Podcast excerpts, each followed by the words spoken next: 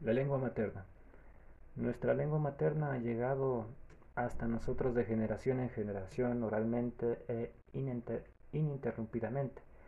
La lengua materna ha puesto voz a nuestra comunidad de hablantes, o en otras palabras, esta comunidad de hablantes em, ha puesto voz a la lengua que hemos recibido de generación en generación de nuestra madre. De hecho, nuestra lengua no existiría sin sus hablantes y los hablantes no existirían sin aquellos progenitores que por encima de cualquier obstáculo y barrera han hablado a sus hijos en su lengua de origen. Gracias a su esfuerzo, a día de hoy, al igual que en otra época, continuamos poniendo voz a, los, a lo escuchado desde el vientre de nuestra madre.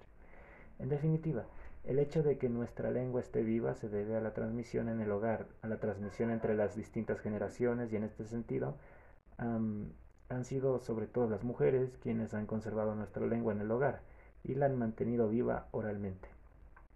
Mm, una frase de John Maya dice, nacemos del vientre de nuestra madre, del vientre de nuestra lengua madre.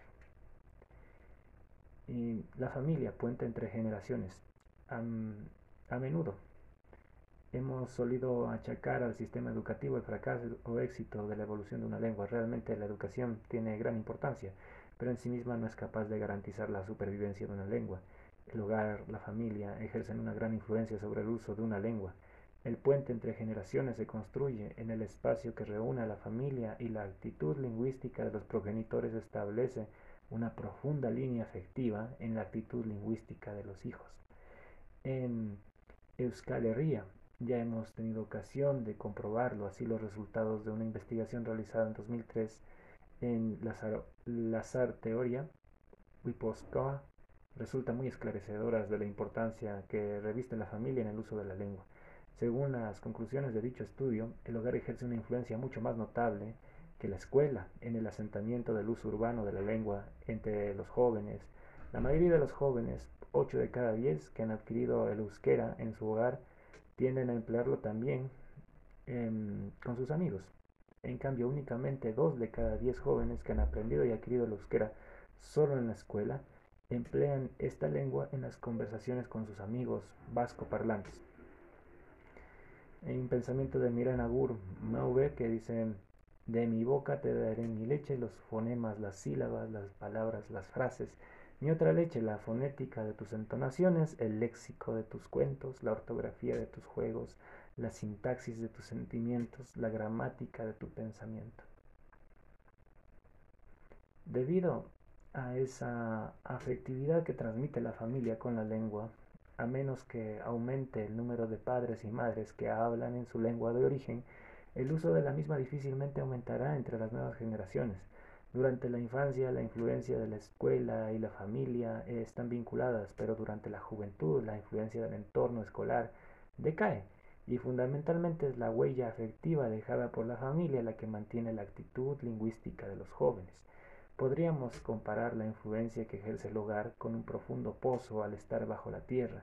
El pozo no está a la vista, pero aún así, en el manantial que ininterrumpidamente nutre nuestra fuente, es decir, en verdad la clave reside en la generación adulta, que en sus relaciones con sus hijos relaciona estrechamente el amor y la lengua, dejando una huella tremendamente profunda en sus hijos. El punto de partida, la base misma para garantizar el uso de una lengua reside en la familia, el hogar, y fallar en ese punto puede perjudicar gravemente a la comunidad que pretende vivir en esa lengua. Y es que emplear una lengua en el ámbito de la educación, los medios de comunicación, la administración y otros ámbitos externos a la familia no resulta suficiente si el espacio en el que se transmite la afectividad lingüística, la familia, fracasa. Por otra parte, si vivimos en un lugar en el que esa lengua no es empleada en el ámbito externo, el fracaso de la transmisión en el hogar resulta más perjudicial si cabe. Dejar de emplear una lengua en el hogar por el hecho de que no se emplee fuera de él significa condenarla a la muerte. La crisis de la diversidad lingüística.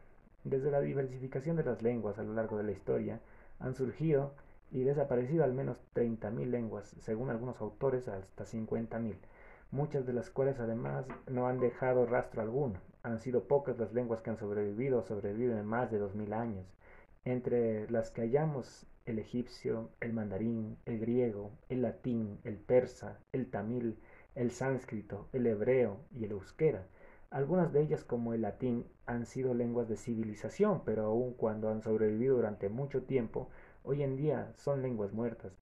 Cada año, por término medio, se pierden 10 lenguas en el mundo.